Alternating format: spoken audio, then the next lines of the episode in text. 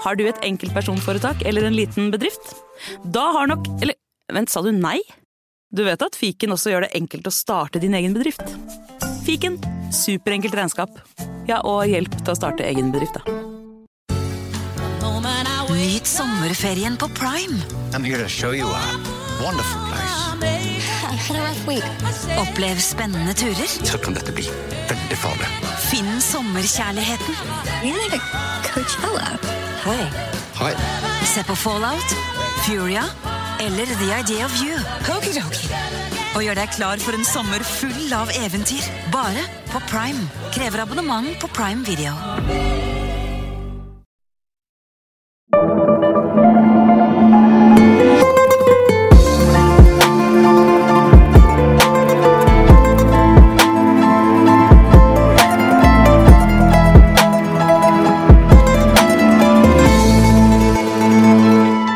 Hjertelig velkommen til Gangsterpodden, en podkast om gangstere. Og det er ikke noe mer vits å si noe mer, fordi folk vet veldig godt hva det er. Går det bra, Jim? Det går veldig bra. Mitt navn er som alltid Jim Fosheim, og ditt navn er Ja, det er Henrik eh. Fladseth, da. Ja.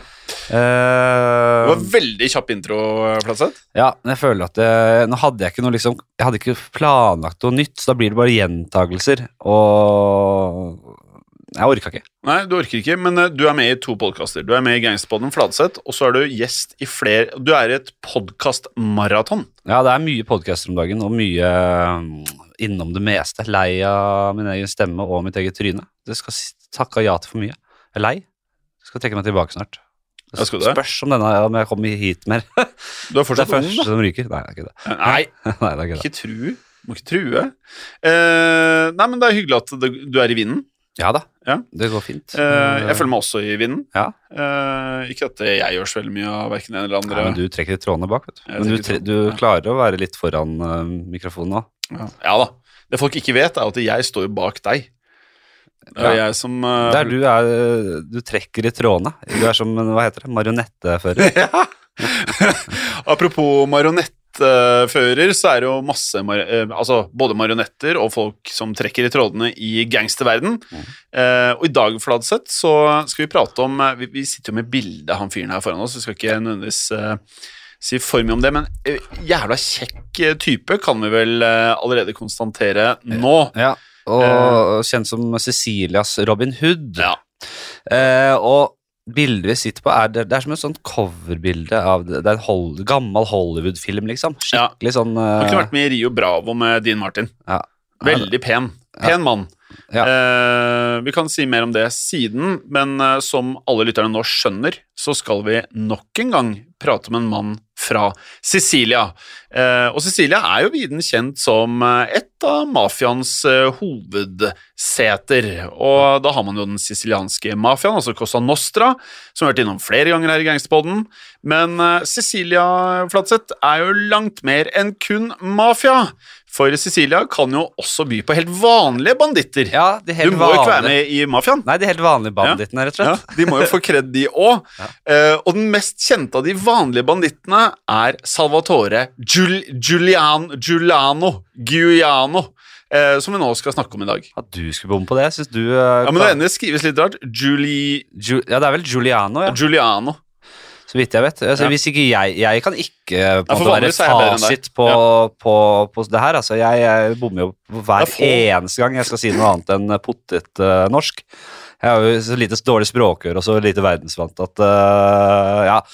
Uh, denne Salvatore Giuliano han ble jo da et uh, siciliansk ikon. Og han ble husket for, som vi var inne på, sin flamboyante stil. Og det kan jeg like. Eh, og eh, samtidig måten han terroriserte de rike eh, og eh, eh, altså, de, altså, de terroriserte de rike og de korrupte, eh, får vi si, på Sicilia. Eh, så Giuliano var med andre ord en folkehelt, men, også, ja, men også da en iskald morder. Og det, jo- det, er, det har vi også vært innom, disse, disse som gir tilbake til Ja. lokalsamfunnet. Det er ofte i mafiasammenheng, da. Men eh, bandittene går også tilbake. Ja, Altså, når vi sier banditter og mafia går jo hånd i hånd. ja, ja vel. Eh, men eh, det er jo ikke alle steder på denne planeten her hvor eh, du blir folkehelt av å terrorisere andre mennesker. Nei, men Vi får høre litt hvordan han gjorde det, da. Ja da, fordi Giuliano han var eh, ansett som relativt hensynsløs, og skal ha vært en ganske brutal banditt, da. Um, og lite overraskende så sto han bak en rekke drap, men det var i hovedsak politimenn som ble ofrene til Giuliano. Vi skal videre i denne episoden ta dere gjennom Giulianos veldig voldelige historie, og eh, også mange av hans politiske aksjoner. Ja, for Giuliano, eh, Giuliano han var politisk engasjert, eh, og, og, og hadde også en stor følgerskare blant bøndene på Sicilia. Og Giuliano ble derfor en respektert mann som politikere og mafia ønsket å ha et godt forhold til. Giuliano skal til og med ha sendt et brev til USAs president og foreslått et samarbeid. Eh, og Det skal vi eh, mer innom senere, for å si det mildt. Ja, Men eh, la oss først nå etablere uh, hvor vi skal, og til hvilken tid. Salvatore Giuliano han ble født 16.11.1922 på Sicilia, Italia. Og Giuliano han var av bondeslekt, og han jobbet også i åkrene frem til han var tolv år gammel. Og i Montelepre, eh, der Giuliano vokste opp, fantes det kun én skole, og Giuliano han lærte seg både å lese og skrive. Eh, noe som var angivelig da uvanlig for en bondesønn på Sicilia på 20- og 30-tallet. Mm. læreren til eh, vår mann eh, Giuliano, eh, altså, og, den, og her nå, da bare guttungen eh, Læreren skal ha gitt eh, Giuliano eh, masse klassiske romaner, som da eksempel De tre musketerer, som for øvrig eh, Jeg har ikke lest boka, men jeg digga den filmen. Husker du den? Med Gerard Depardieu. Ja, ja, ja, ja. Når jeg var guttunge, så elska jeg den. Men eh, Giuliano fikk, eh, fikk romaner som De tre musketerer, og Giuliano han leste også dikt om Karl den store og tempelridderne eh, i, disse korstogene mot Jerusalem. Og Julian, Juliano han ble veldig grepet av disse uh, historiene om mot, om kamp og om hellig krig. Og dette påvirket han senere i livet, uh, som dere helt klart vil forstå. Uh, Cecilias Robin Hood. Vi har jo allerede nevnt det. Ja. Og I Giulianos første leveår så styrte mafiaen Sicilia som om det var deres egen eh, stat Fladseth. Men eh, som vi da hørte i episoden om Mussolinis kamp mot mafiaen, så klarte Italias eh, fascistiske statsleder, altså Benito Mussolini, å bryte ned den sicilianske mafiaen på slutten av 20-tallet. Og bøndene på Sicilia de levde et relativt primitivt liv, og de dyrket jorden de hadde, og for dem var hverdagen så å si den samme som, eller vil egentlig hevde, som i middelalderen. Eh, og det var derfor stor, stor motstand mot eh, fascistenes visjoner om både industri og det å modernisere samfunnet. Ja, og må bare si, hvis dere ikke har hørt eh, den uh, Mussolini-episoden, Kanskje gå og hør den? Kanskje bare stopp her nå og Ja, hør den kanskje bare først. ta dem først. Fordi den, eh, det, det, det, det lærer man en del om denne tiden og nettopp uh, Sicilia og bondelandet, og det er veldig mye som går igjen, og den er veldig god. En Ja. god episode. Den er god. Eh, historien om Salvatore Giuliano den startet for alvor i 1943, eh, kan vi si, i kaoset som oppsto eh, da allierte styrker eh, invaderte Sicilia. Dette tar vi også opp i, eh, i den Mussolini-pod, Gangsterpod-episoden. Eh, og andre verdenskrig var jo i ferd med å snu i de alliertes favør, eh, og amerikanerne tok kontroll over Sicilia. Fascistpartiet og eh, Mussolini hadde da styrt Italia i to tiår, men nå var eh, deres tid ved roret over. Eh, og da fas- fascistregimet falt, så oppsto det et maktvakuum på Sicilia. Det var stor mangel på mat og andre basisvarer, og det vokste da selvfølgelig da fram et svart marked. Ja, som det ofte gjør i slike situasjoner.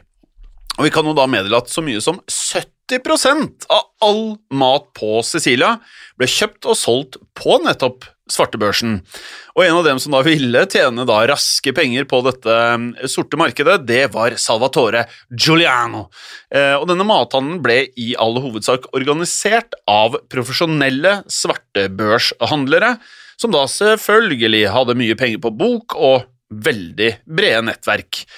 Og da, på denne tiden, da 21 år gamle Salvatore Giuliano, eh, han kunne egentlig bare stille opp med et muldyr og en pistol av merket Beretta. Ja.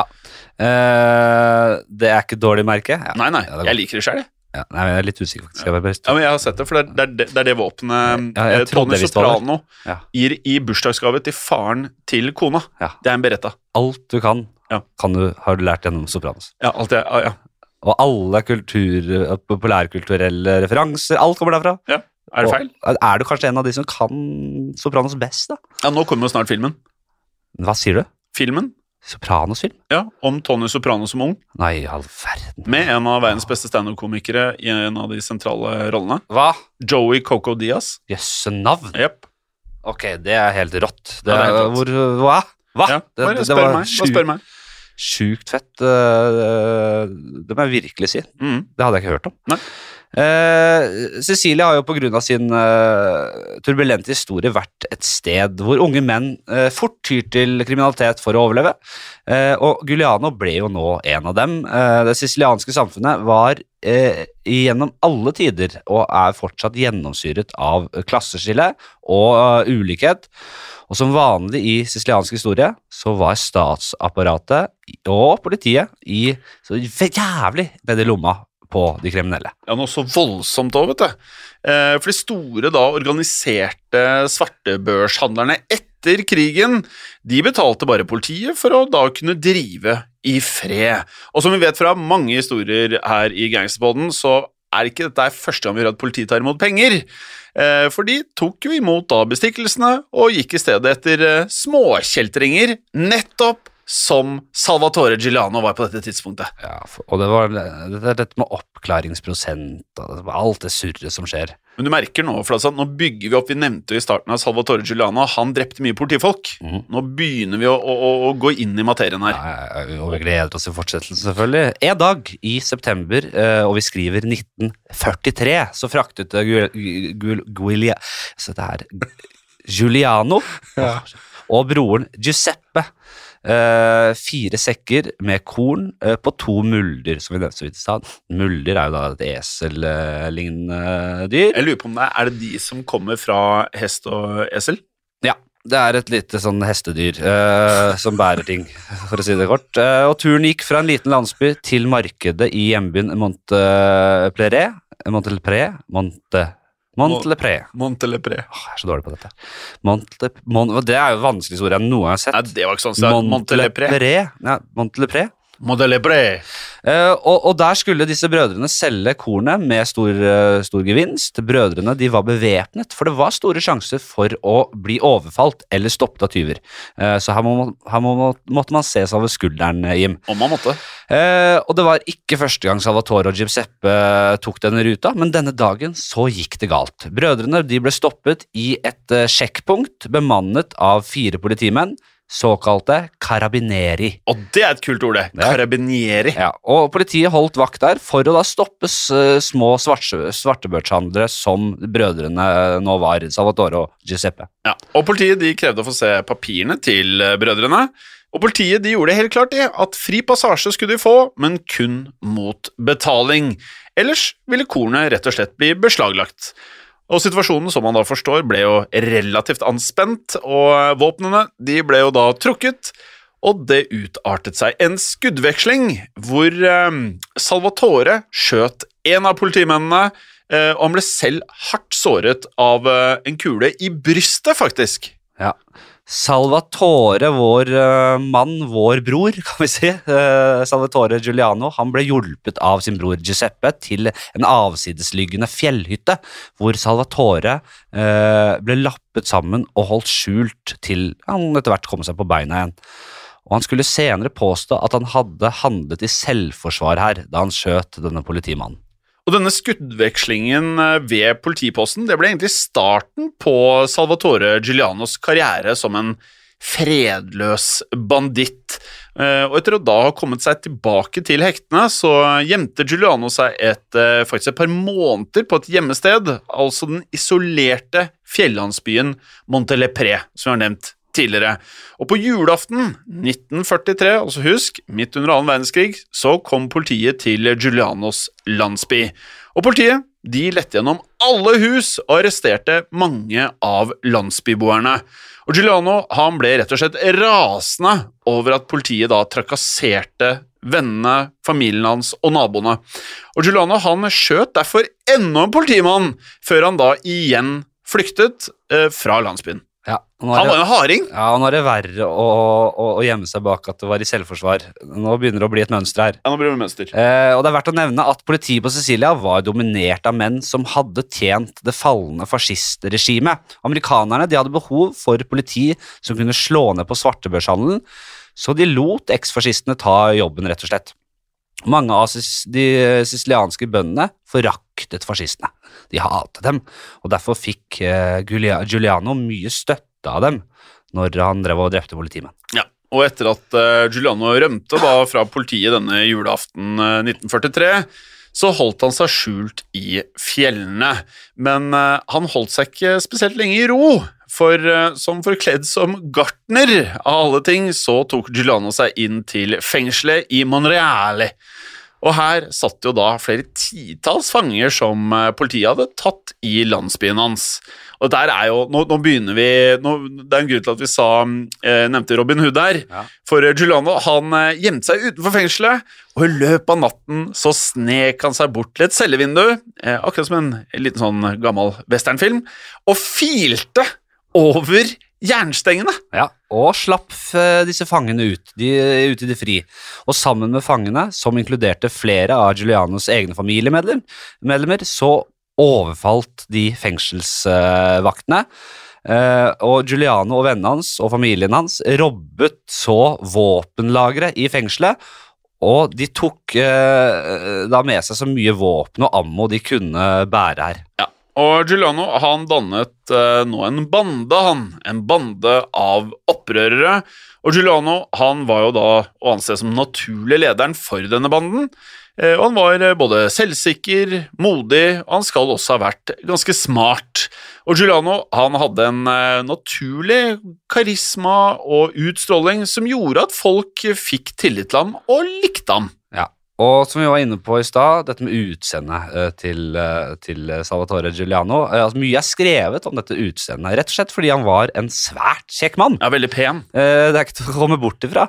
Han var, som jeg sa, sånn der et klassisk Hollywood eh, eh, stjerne, liksom. pen. Veldig pen. Kjekk, ass. Mm. Uh, og en forfatter har faktisk sammenlignet Giuliano med uh, Clark Gable. Cla- uh, Clark Gable, Gable og Douglas Fairbanks, som er ikke så kjent for alle, selvfølgelig. Men vi kan også trekke paralleller til Marlon Brando, en ung Marlon Brando. Ja, som Som- også spilte en veldig viktig rolle i uh, Ja, det, det, vet. Ja, ja, ja, det, ja, ja, ja, ja, ja. det, det vet vi folk. Ja, har du sett ikke- alle tre? Ja, ja selvfølgelig. Ja, det. Ja, Det er ikke en selvfølgelig lenger. Giuliano han var høy, han var mørk, kraftig bygg, og han oste av siciliansk sjarm. Deilig. Og i 1944 så etablerte Giuliano og banden eh, De etablerer seg som en fryktet gjeng i, i eh, Sicilia som føltes å være lovløs på dette tidspunktet.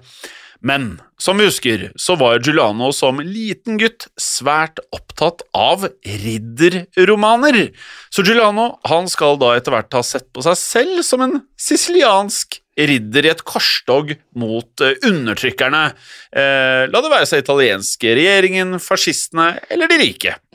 Og for Giuliano og gjengen så var alle som utnyttet bøndene, et gyldig mål i kampen mot urettferdighet. Ja, og de neste årene nå så skulle Giuliano bli en, en, eh, en kjent eh, person i Italia, rett og slett. Giulianos uh, hoved... Uh, hva skal jeg si? Hovedinteresser, geskjefter, Ja. det var kidnapping og utpressing. Der, der var han Deilig. meget god. Deilig. Og bandene hans gikk etter de velstående, som sagt. Og takket være Sicilias omerta-tradisjon, Mm. så var lokale bønder lite eh, snakkesalige i møte med politiet. Og denne omerta-tradisjonen var jo da en slags kodeks, ikke sant. Ja. Det er det som vi ser i mafiaen i USA og overalt. At det, det, man, skal ikke, man skal ikke tyste, rett og slett. Nei. Bøndene ble dermed eh, Julianos allierte. Eh, De, de, de jobba på lagmann. eh, og, og bøndene tjente også på dette. Giuliano betalte opptil ti ganger markedsprisen for mat og utstyr som han kjøpte fra bondebefolkningen. Og like. finansierte sånn sett sitt eget, uh, sin egen uh, hær, da. på mange måter en eh, fin gest. Ehm, og Giulianos allianse med bøndene ga han også info om hvem som var rike, og som da kunne betale løsepenger.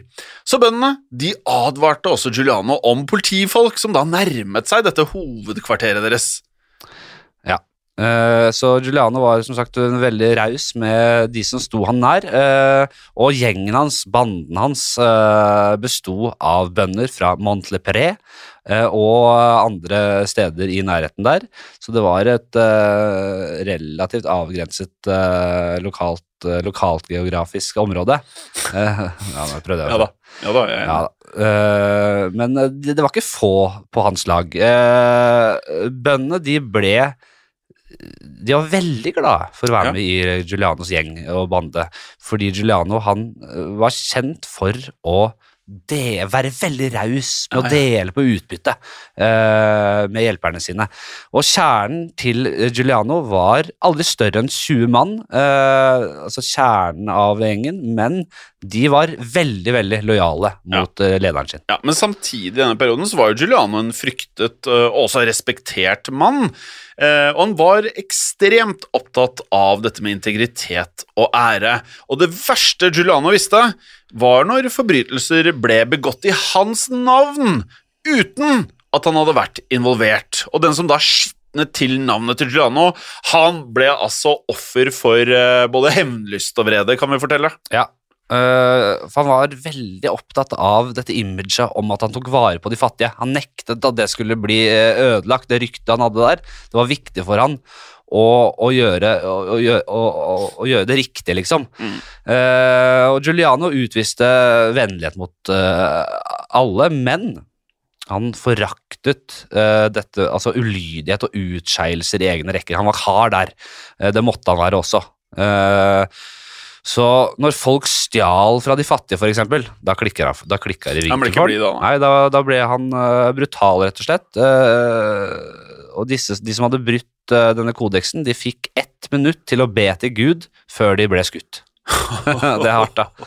Så han, han, selv de fikk lov til å få Ja, ett minutt der. Men det er noe med han fyren her som man nesten bare må like. Ja, og Giuliano la så deretter da igjen en lapp på dette liket, der han tok på seg ansvaret for drapet, og dette fungerte da som en advarsel til andre som vurderte å gå imot han og bryte kodeks og, og etikken. Ja, Nå kan jeg fortelle hva som sto på disse lappene, Flatseth. Mm. For der sto det 'Giuliano raner ikke de fattige'. Mm. Og det skjønner vi jo hvorfor han ønsket å få frem, for han gjorde nettopp det motsatte.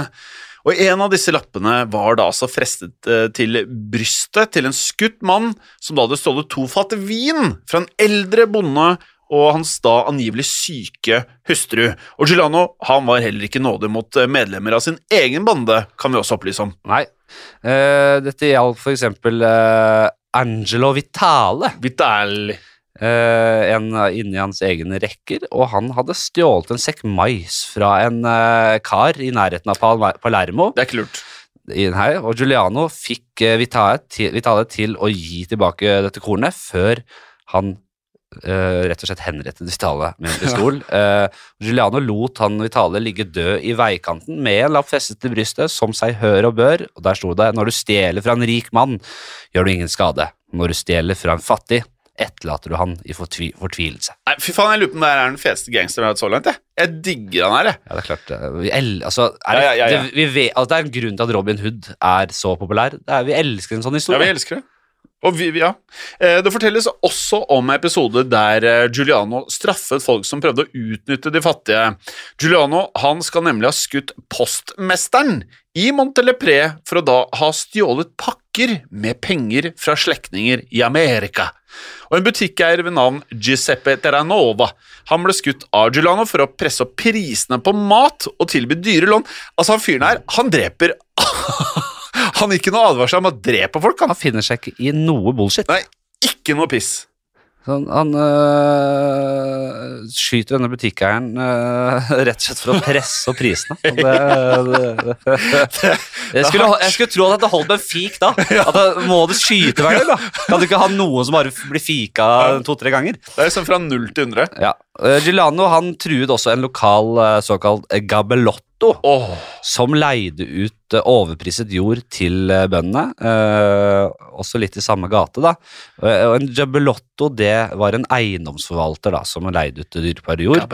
Eh, og, ofte var eh, en Gabelotto med mafiaen. Eh, dette her var en slags sånn under... ja, orden.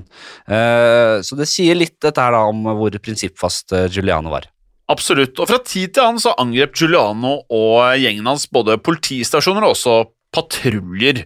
Eh, og banden da skal, etter hva vi har eh, forstått Det her er ganske høyt Det er en Nå veldig- endelig innfrir uh, tallet drepte. Ja, for det, dette, er, ja, dette er mer enn hva jeg hadde gjettet. Jeg hadde tenkt sånn Drept 20 politifolk.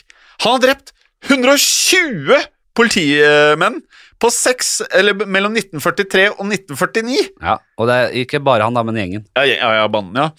Og uh, Salvatore Giuliano, han var eh, med andre ord uh, Ja, altså, vi kan jo si at han var enkelt den mest ettersøkte mannen på hele Sicilia, og det sier jo ganske mye. Ja, ja, i disse årene her så var han absolutt det. Han var nummer én. Uh. Men til tross for sine mange ran og kidnapp kidnappinger, så kunne Giuliano aldri glemme historiene om ridderne han leste som eh, gutt. I fortellingene så fulgte ridderne alltid en æreskodeks, eh, og Giuliano han sverget til den samme kodeksen. Eh, og dette, dette går jo hånd i hånd med eh, Det var mye av de samme kodeksene fra, som vi kjenner fra mafiaen nå. Det er, mye, det, er, det er litt av det samme, ikke sant? Eh, Et eksempel eh, er da Giuliano-banden brøt seg inn hos hertuginnen av Pratamento i 1945. Eh, Og hertuginnen var en av de aller rikeste grunneierne på Sicilia. Jim. Ja. Og Giuliano han eh, behandlet hertuginnen med stor respekt og faktisk med manerer, selv om mennene hans riktignok da stjal alt av verdi på herregården. Dette, dette er jo en fantastisk fortelling. Ja. Men da hertuginnen da tryglet om å få beholde en ring som hennes avdøde mann hadde etterlatt henne, skal Juliana ha kysset hennes hånd og latt henne få beholde ringen. Han her er, han er favoritten min. Um, og Giuliano han stjal, um, han stjal midlertidig en bok, en italiensk oversettelse av John Steinbecks In Dubious Battle. Eh, men noen dager senere så fikk hertuginnen boken tilbake med en lapp fra Giuliano, som da takket hertuginnen for hennes godhet. Eh, og da rykter om Giuliano galant, eh, Altså, den galante oppførselen hans under ranet, den ble rett og slett blåst opp i avisene også, slik at alle på Sicilia snakket etter sigende da om Giulianos eleganse, vågemot og hans flotte, deilige utseende. Ja. Eh, Salvatore Giuliano han hadde eh, rett og slett gått fra å være en bondesønn fra fjellene til å bli den mest beryktede og idealiserte tyven på Sicilia. Han var en folkehelt, rett og slett. Og det er ikke vanskelig å forstå Nei, nei, nei. når disse eh, historiene i tillegg ble blåst opp i pressen. noe voldsomt. Eh, men ettersom de amerikanske styrkene trakk seg ut og overlot Sicilia til de gamle makthaverne, eh, den italienske regjeringen og mafiaen, så mm. skulle Giuliano eh, bli trukket inn i et farlig politisk spill. Eh, og mer om det skal vi eh, ta etter pausen. vi.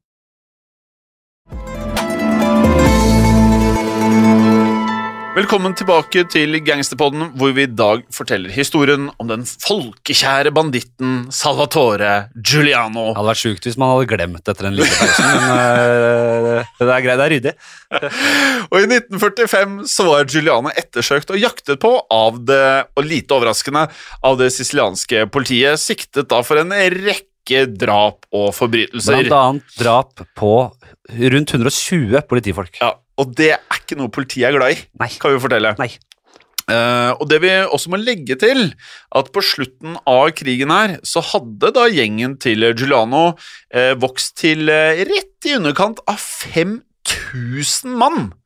Eh, heller ikke tall som er noe under det jeg hadde forventet meg.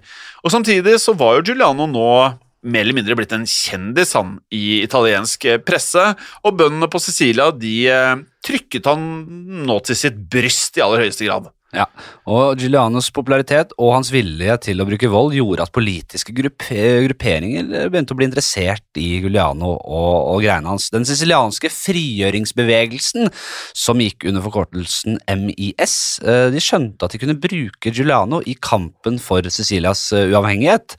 Eh, ikke rart, egentlig. Han var jo et utrolig forbilde. Eh, og Ingen av de store italienske partiene på fastlandet ønsket at uh, Cecilia uh, skulle løsrive seg, uh, og konflikten hadde nå blitt veldig voldelig. Ja, det er riktig det. Og eh, separatistene i MIS de rekrutterte derfor Giuliano og banden hans til å kjempe i frigjøringskampen. Og Giuliano han gikk jo da med på å gjennomføre væpnede aksjoner. Han rekrutterte da pluss-minus 60 nye unge menn til gjengen sin, og ga dem uniformer og også våpen.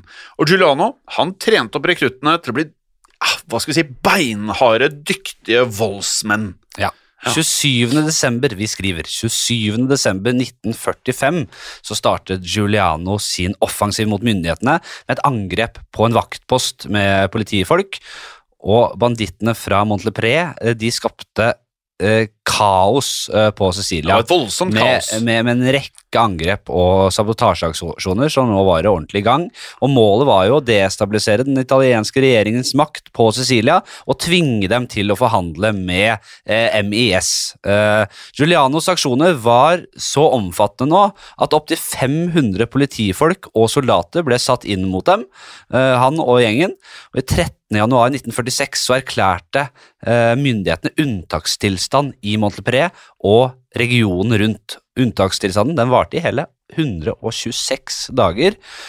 Og selv den italienske hæren var nå involvert i jakten på vår mann eh, Giuseppe, nei, Salvatore Giuliano. Ja, nå bygger det seg opp her, og den italienske innenriksministeren, nok en fyr med lignende navn, Giuseppe Romita, han utlovde nå 800 000 lire i dusør til den som tok Giulianos liv. Ja, Altså, og- ta av dage, altså. Ja, altså Det, det, Vi snakker rett og slett 100, altså 350 000 norske kroner i dag, da. Ja, riktig. Uh, Giuliano, han eh, svarte han, og han svarte med å utlove en dosør på to millioner lire, altså 855 000 norske kroner, for den som da drepte innenriksminister Romita! Jeg- Altså, han fyren der, han er fantastisk. Jeg hører deg, innenriksminister, og jeg høyner. Giuliano og banden hans innså til slutt at eh, denne kampen var til ingen nytte, for eh, separatistene på Sicilia de, de manglet rett og slett politisk makt. Eh, De sto overfor rett og slett overmakten her. Giuliano avsluttet denne offensiven sin, og eh, gjengen hans, som man nesten kan kalles en hær, ble oppløst, og eh, de nye rekruttene gikk nå tilbake til sine vanlige liv. Eh, Giuliano han hjalp minst to av disse rekruttene å bare emigrere over til USA, slik at uh, de ikke fikk uh, piske, piske, pisking og det som verre er, av myndighetene. Ja. uh, og Giulianos kamp fikk eh, midlertidig eh, omfattende nyhetsdekning. Eh, ikke noe han var uvant med. Eh, og Giuliano han ble en internasjonal kjendis på dette tidspunktet. Så vet jeg ikke hvor mange av lytterne våre som faktisk fikk med seg det den gang, men det var han faktisk. Og for å illustrere akkurat hvor stor stjerne Salvatore Giuliano faktisk var, så kan vi trekke fram Giulianos møte med journalisten Howard Stern. Som vi vet da, Stern var en stjernereporter for det det store amerikanske magasinet Life. Og vi kan også legge til at han hadde et av de største radioprogrammene i verden over en lang, lang periode. En fyr som også hater podkast, forresten. Uansett, Stern han ble sendt til Sicilia med mål om å skaffe seg et intervju med Giuliano. Ja, så Stern han sjekket inn på et hotell i Palermo og spredte budskapet om at uh, dette viktige amerikanske magasinet ville snakke med Giuliano. Og etter flere dager med mislykkede forsøk så, uh, på å komme da i kontakt med, med, med, med, Salvatore Giuliano, så ble Stern til slutt eskortert av Giulianos egen far til Montlepré. Ja, og i Montelepré så fikk Stern et eksklusivt intervju med denne nå verdenskjente banditten, ikke mafia. Giuliano han uttalte i intervjuet at alle historiene om drap og attentat faktisk var usanne, Og Giuliano han sa at alle drap han hadde begått, hadde han gjort for å sikre rettferdighet for vanlige folk på Sicilia. Og Giuliano han mente at han kun var villig til å drepe onde mennesker som gikk imot folket. Og i intervjuet med Stern så snakker Giuliano også varmt om USA, og det ble tatt eh, fotografier av Giuliano hvor han da står arm i arm med Howard Stern. Eh, så dette er bare å google, folkens, når dere hører dette her. Og eh, disse bildene her de ble klistret opp i byer og landsbyer over hele Sicilia, sammen med en bildetekst Fladseth. Ja. Død over kommunistene. Lenge leve USA og Giuliano, frigjøreren av Sicilia. Er- Han har jo hele tiden vært politisk, det nevnte vi i Fy faen hvor rå han er. Helt siden de alliertes invasjon av Sicilia, så hadde Salvatore Giuliano vært en stor tilhenger av USA. Giuliano han så på Amerika som frihetens land. Han elsket frihet. ikke sant? Et, eh, USA et sted med velstand og rettferdighet. og Giuliano han ønsket at sicilierne skulle få oppleve disse godene. eh, og Han var villig til å inngå en, en spesiell avtale med USA for å lykkes òg. Ja. um, for i mai 1947 så skal Giuliano ha bedt en løpegutt om å levere et brev til den amerikanske ambassaden i Roma. Og brevet det var skrevet til den amerikanske presidenten Harry S. Truman.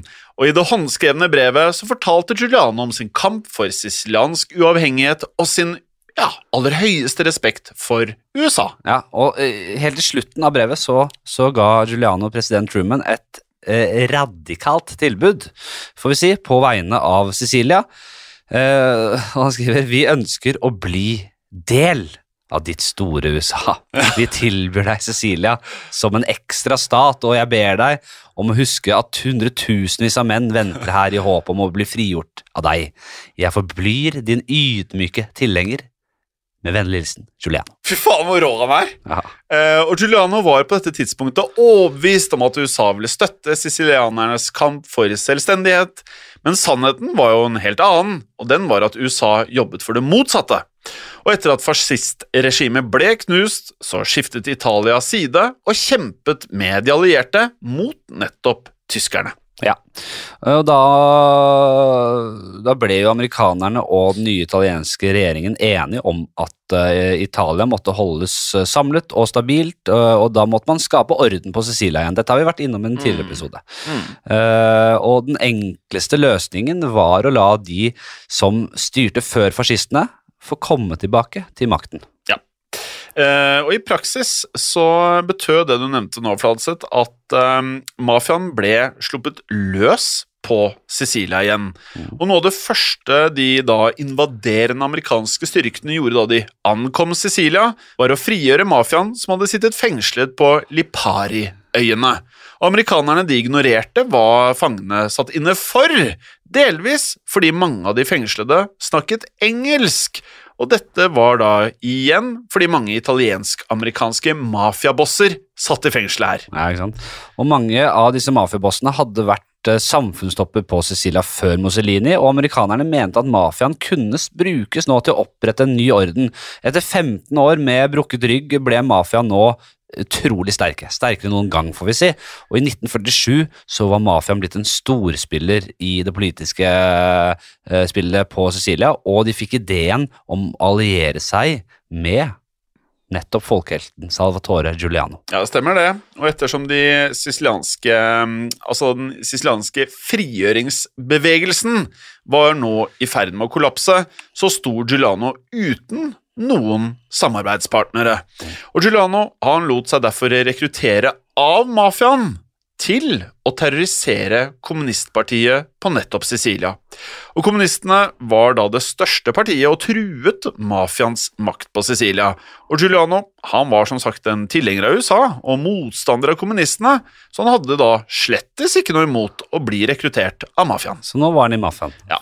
Endelig, Ja, litt kjipt. Skulle ønske han forble utenfor mafiaen. Men eh, denne alliansen skulle jo selvfølgelig bli skjebnesvanger for eh, Salvatore Giuliano. Bare noen få måneder etter dette intervjuet med Howard Stern, som eh, hadde gjort Giuliano til en virkelig superstjerne i USA, så kom ja, det tragiske vendepunktet i karrieren hans. Ja. For 1. mai 1947 var innbyggerne i byen Pian del Greco samlet for å feire den internasjonale arbeiderbevegelsens dag. Arbeiderne i byen de støttet opp eh, om kommunistpartiet og skulle holde fest, rett og slett. Og Salvatore Giuliano, som altså da samarbeidet nå med mafiaen, han reiste til byen for å utføre et attentat på en kommunistleder ved navn Girola, Girolamo Licazi. Og 1. mai-festen eh, det eh, foregikk da i et trangt fjell, eh, altså en trang fjellpassasje kalt Porta della Ginestra. Eh, Og de fattige bondefamiliene der de var kledd i, i finstasen sin, og det var sang og musikk med sicilianske sekkepiper, mandoliner og trekkspill og hele alt eh, vi elsker med siciliansk eh, musikkultur. Eh, og omtrent 15 av Giulianos mest betrodde menn de lå nå gjemt i fjellsidene og ventet bare på å åpne ild mot uh, Licausi. Licausi. Og en bonde gikk nå opp på en tønne og ba om fullstendig stillhet. Og Girolamo Licosi han begynte deretter på Det er, det, det er rett og slett da han kommunistlederen, Ja, det er helt man, eh, riktig. bare for å presisere det. Ja, det. er viktig. Det var- det er fort gjort med mange navn at vi går fort fram. Yes. Ja, du er en god kommunikatør. Um, og han begynte da på talen sin. Og Likosi han hadde bare ytret noen få ord da et maskingevær åpnet ild. Og lyden av flere rifler dundret angivelig da gjennom dette Var det en trang passasje, Fladseth? Ja. Var det sånn det blir beskrevet? Ja. Og en sverm av kuler feide da gjennom folkemengden og meide ned både menn, kvinner og også unger. Og da skytingen ga seg, så lå det døde og selvfølgelig masse sårede folk på bakken. Og um, angivelig skal de dønes smerteskrik ha gjallet gjennom dette fjellpassasjeområdet.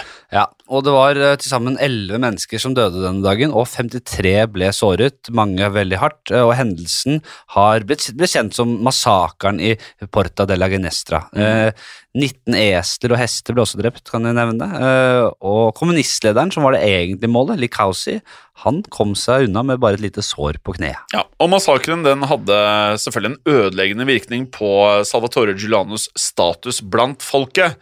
Eh, og hendelsen, etter hva vi har forstått, sjokkerte nærmest hele Italia. Eh, og mistanken den eh, falt eh, fort på mafiaen. Men snart ble Giulianos tilstedeværelse under massakren kjent, og det ble da stilt krav fra folket om at de skyldige måtte få sin straff. Ja, Det finnes ikke en tydelig forklaring i kilden her på hvorfor massakren fant sted. Eh, Salvatore Giuliano han hevdet selv å være sjokkert over hendelsen, og Giuliano forsvarte seg i en serie lange brev til pressen der han nærmest tryglet om å bli trodd. Eh, dette gikk jo utover hans gode navn og rykte, og her er et uh, utdrag fra et av brevene. Jeg er en fredløs, ja, men jeg har aldri brukt slike fryktelige metoder. Jeg har vært en morder, ja, men jeg har aldri drept barn. Jeg har, våg- jeg kjempet i våre vakre fjell mot tusenvis av menn, mot maskingevær og mot pansrede vogner. Hvis krigslykken har sviktet fiendene mine, har jeg behandlet dem med respekt. Hvis mine fiender har overgitt seg, har jeg pleiet sårene deres. Jeg er en mann av ære. Jeg har aldri drept barn. Der er jo eh, tydelig, det. Uh, Giuliano han fortalte ulike versjoner av hva som hadde skjedd under massakren, men holdt alltid fast på at drapene var et fryktelig uhell. For planen var da kun å drepe kommunistlederen. Og skuddene som da traff mengden, var angivelig egentlig ment å treffe over hodene på folk. Uansett var Giulianos navn og rykte nå ødelagt, og de neste årene ble svært vanskelig for Giuliano. Ja, nå var Giuliano konstant på flukt fra politiet og myndigheter. Kjendisstaten hans hadde gjort at myndighetene ble mer desperate etter å ta han. Politiet brukte nå ukonvensjonelle metoder for å ta rotta på han. En gang så kledde 20 politimenn seg ut som kameramenn og nyhetsreportere, og de forkledde politimennene de kjørte rundt på landsbygda og lot som de filmet en dokumentar om Giuliano. Politiet håpet da at dette skulle gi dem tips om hvor Giuliano oppholdt seg. Ganske smart dette her. Ja, ja. Men landsbyfolket de vet ikke på kroken, og politiet ble eh, hånet i pressen etter, etter denne mislykkede aksjonen. Og Giuliano han eh, fortsatte videre å kidnappe folk. Han eh, presset rike adelsmenn for penger og terroriserte det, det sicilianske politiet. De, de har virkelig fått smake. Men eh, flere og flere tok nå avstand fra Giuliano. Og han var ikke lenger ansett som noen folkehelt, eh, og ikke lenger den sicilianske Robin Hooden vi ble kjent med tidligere i episoden. Samtidig var det politiske nettet nå i ferd med å snøre seg sammen rundt Giuliano, dessverre. Ja, ja, for uh, mafiaen hadde jo ikke noe bruk for Giuliano lenger, og mens Giuliano var på rømmen, så tiltrakk han seg uh, store mengder politifolk som gikk i veien for mafiaens aktiviteter. I tillegg så hadde Giuliano tidligere drept seks uh, lavstående mafialedere som var anklaget for å ha stjålet fra fattige bønder. Og hva som faktisk skjedde med Giuliano til slutt, det vet vi ikke så mye om. Nei. Men bare at nettet snørte seg litt rundt han, og at Ja. det gikk dårligere. Eh, kildene er eh, enige om noen få ting, og det er om liket av Salvatore Giuliano, som ble funnet 5. juli 1950. For liket det lå på torget i den lille byen Castelvetrano. Castelvetrano. Um, og det var minst 20 kulehull på kroppen til Giuliano, men vitner hadde kun hørt seks skudd som hadde blitt avfyrt. Og landsbyboerne som da kom først til stedet, sverget på at liket var kaldt og stivt, og at det virket som om noen hadde rett og slett helt blod over kroppen. Mm. Giuliano han var blitt skutt og drept uh, på et ukjent sted og dumpet på torget. Og det er fremdeles usikkerhet eh, rundt hvor han ble drept og hvem som egentlig sto bak. Uh, Mafiaen er jo en åpenbar kandidat, selvfølgelig. Men både politiet og Giulianos nærmeste venn, uh, Gaspare Pisciotta, hevdet at de sto bak eh, dette drapet. Pisciotta hevdet at han drepte Giuliano for å unngå straff for massakren i Porta della Ginestra, men Pisciotta han endret stadig forklaringen sin. Eh, så det er ikke godt å si. Maktstrukturene på Sicilia var skjulte og kompliserte, og vi vil nok aldri få vite sannheten her. Nei, vi gjør nok ikke det, men for en fantastisk historie. Eh, og her er det jo en blanding av både sorg og glede over Giulianos død, selvfølgelig. Eh, bøndene de fortsatte å idolisere Giuliano. Eh, ikke alle, men noen, og de sørget. Og, eh, mens det da derimot var glede innad i mafiaen, og blant andre som da var rett og slett lei av at Sicilia var beleiret av politimenn, som da var der i jakten på nettopp Giuliano. Mm. Banden til Giuliano ble oppløst, men måtte i 1951 møte i retten, eh, siktet for massakren i Porta della Ginestra. I 1952 ble tolv av disse bandittene dømt til fengsel på livstid, inkludert nevnte Gaspare Pisciotta. Fire banditter fikk kortredommer. Uh, Pisciotta ble uh, for øvrig forgiftet med noe svineri. Stryknin. Stryknin, ja, og Mm. døde i, uh, i fengselet i 1954 uten at noen vet hvem som sto bak. Uh, og styrknindosen var uh, sterkt nok å drepe 40 hunder, så det var uh, noen som skulle ta livet av ham. Ja. Jeg kan fortelle at jeg har pratet mye om stryknin i uh, historiepodden. eh, et, eh, brukt av mange. Flere av eh, Giulianos eh, banditter de ble drept i fengsel i årene som fulgte, men heller ikke disse mordene eh, er å anse som oppklart den dag i dag. Men de fleste sporene peker angivelig mot den sicilianske mafiaen, litt overraskende, som da skal ha prøvd å slette alle sine forbindelser til Giuliano. Ja. Salvatore Giuliano han ble bare 27 år gammel, faktisk, men han levde jo et voldsomt rikt og dramatisk eh, liv. eh, For et liv, liksom.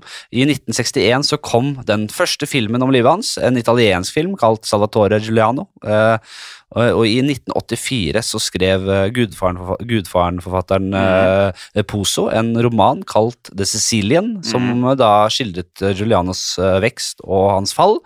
Og romanen ble til en film med samme navn, The Sicilian, i 1987. Og her var regissøren Michael Cimino. Eh, og så sto bak Hjortejegeren, og hovedrollen der blir spilt av Christopher Lambert. Det er det vi har, rett og slett. Har du en låt til oss? Det har jeg. Eh, lite overraskende har jeg låten eh, Salvatore Giuliano Ja. med Jasta and The Rocking Souls. Den kan dere da høre på Spotify as we speak, for jeg legger disse nå ut med en gang, sånn at jeg ikke skal glemme det. Og eh, spillelisten den heter bare Gangsterpodden, eh, så den finner du nå på Spotify. Ja. Eh, vi høres jo neste uke, eh, med Ja. mindre du har driti deg ut og fått, noe, fått i deg noe stryknin Stryk- som nok til å drepe 40 hunder. Hold det gangster. Yes. Ha det bra.